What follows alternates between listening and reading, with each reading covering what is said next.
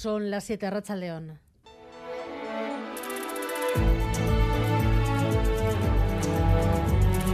Gambara con Arancha García. Felipe VI tendrá que decir mañana si encarga a Pedro Sánchez formar gobierno. Hoy ha comenzado la ronda de consultas a la que no van a acudir muchos de los partidos que pueden dar el voto al candidato del PSOE. Los que sí han ido, PNV y Sumar, Aitor Esteban no ha dado detalles de la reunión y Yolanda Díaz sorpresivamente ha dicho ante los medios que Sánchez aún no tiene sus votos, que todavía tienen que cerrar un acuerdo Nerea Sarriegui. Sí, ha trasladado al rey la voluntad de sumar, de conformar un gobierno de coalición progresista presidido por Pedro Sánchez, pero avisa, falta mucho para llegar a un acuerdo con el PSOE que ojalá alcancemos un acuerdo cuanto antes. A día de hoy estamos muy lejos de ese acuerdo y estoy segura que tanto desde Sumar cuanto desde el Partido Socialista vamos a trabajar Felipe VI ha escuchado hoy al PNV y a Coalición Canaria, ambos dispuestos a hablar con el PSOE y a UPN y a Vox que cierran la puerta a cualquier posibilidad de apoyar a Pedro Sánchez. Con esta información, la de siete partidos, mañana el Rey deberá designar a un candidato tras reunirse con el propio Sánchez y con Alberto Núñez Feijóo.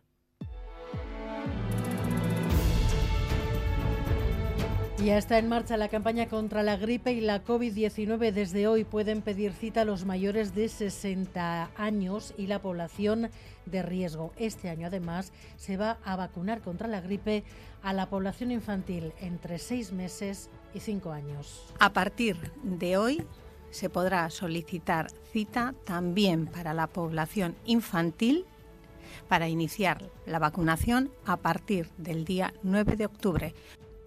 A las personas de más de 80 años se les llamará una a una. Si es necesario, se les vacunará en su domicilio. Los menores de 60 años podrán vacunarse contra la gripe y el COVID a partir del mes de noviembre. Enseguida estamos además en Lanciego de luto por la muerte de dos personas ayer en una bodega y les contamos lo último sobre el incendio de tres discotecas en Murcia. Se ha empezado a identificar a las víctimas. El ayuntamiento confirma que tenían orden de cierre desde el año pasado. ¿Por qué no se cumplió la orden?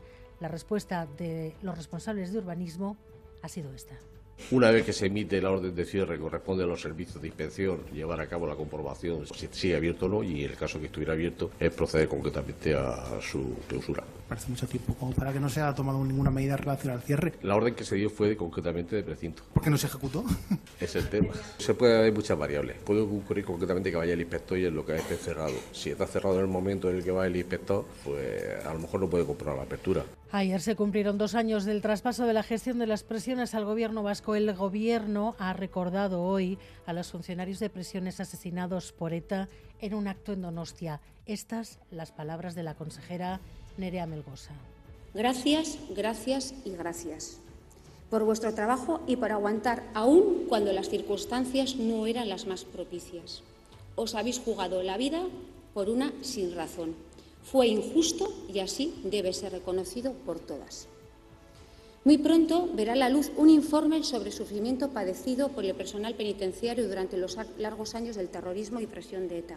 Y mañana a mediodía se cierra el plazo para la presentación de enmiendas a la ley de educación. A esta hora, la duda principal es si va a poder mantener el acuerdo a tres PNV, PSE y EH Bildu. Los dos socios de gobierno están negociando para ver si presentan enmiendas de forma conjunta. El resultado de esa negociación condicionará el recorrido de la ley hasta su aprobación. Y en un tribunal de Manhattan, de nuevo, Donald Trump. Esta vez la acusación es por fraude en sus empresas. Corresponsal Nueva York, Yeray Díaz. Antes de entrar a la sala donde no hay cámaras, ha vuelto a decir que es una caza de brujas.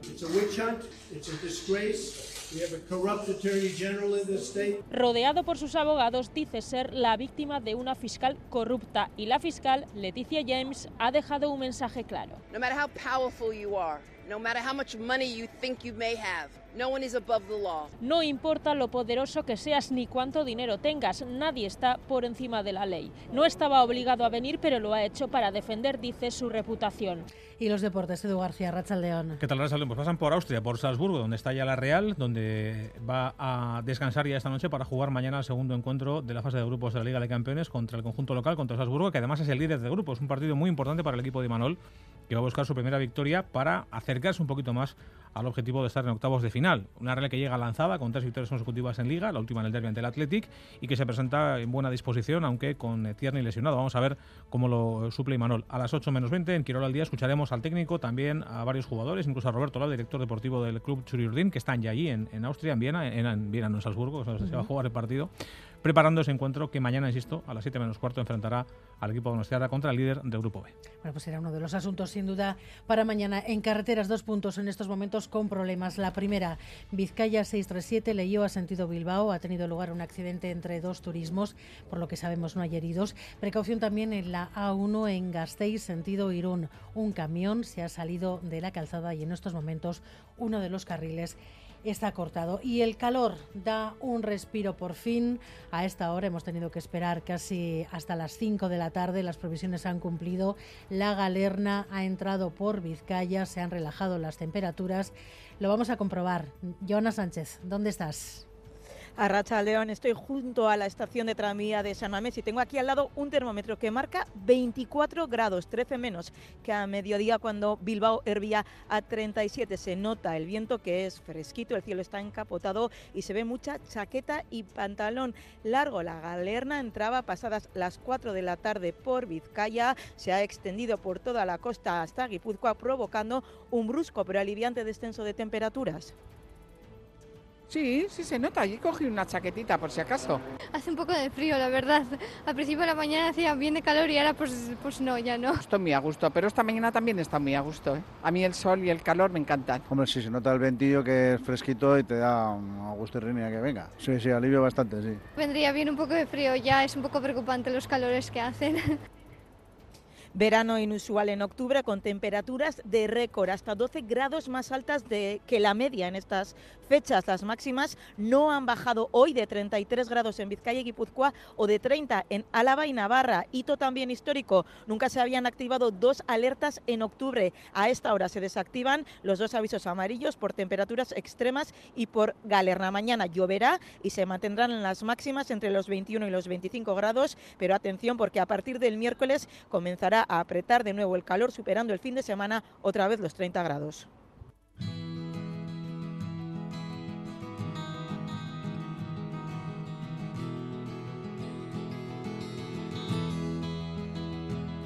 Yo soñaba cada día poder alcanzar la playa y ahora está tan cerca, casi ya la puedo leer y espero cada más próximo al final. Puedo sentir tierra Prado y Alberto Subel ya están en la dirección técnica, Cristina Vázquez en la producción.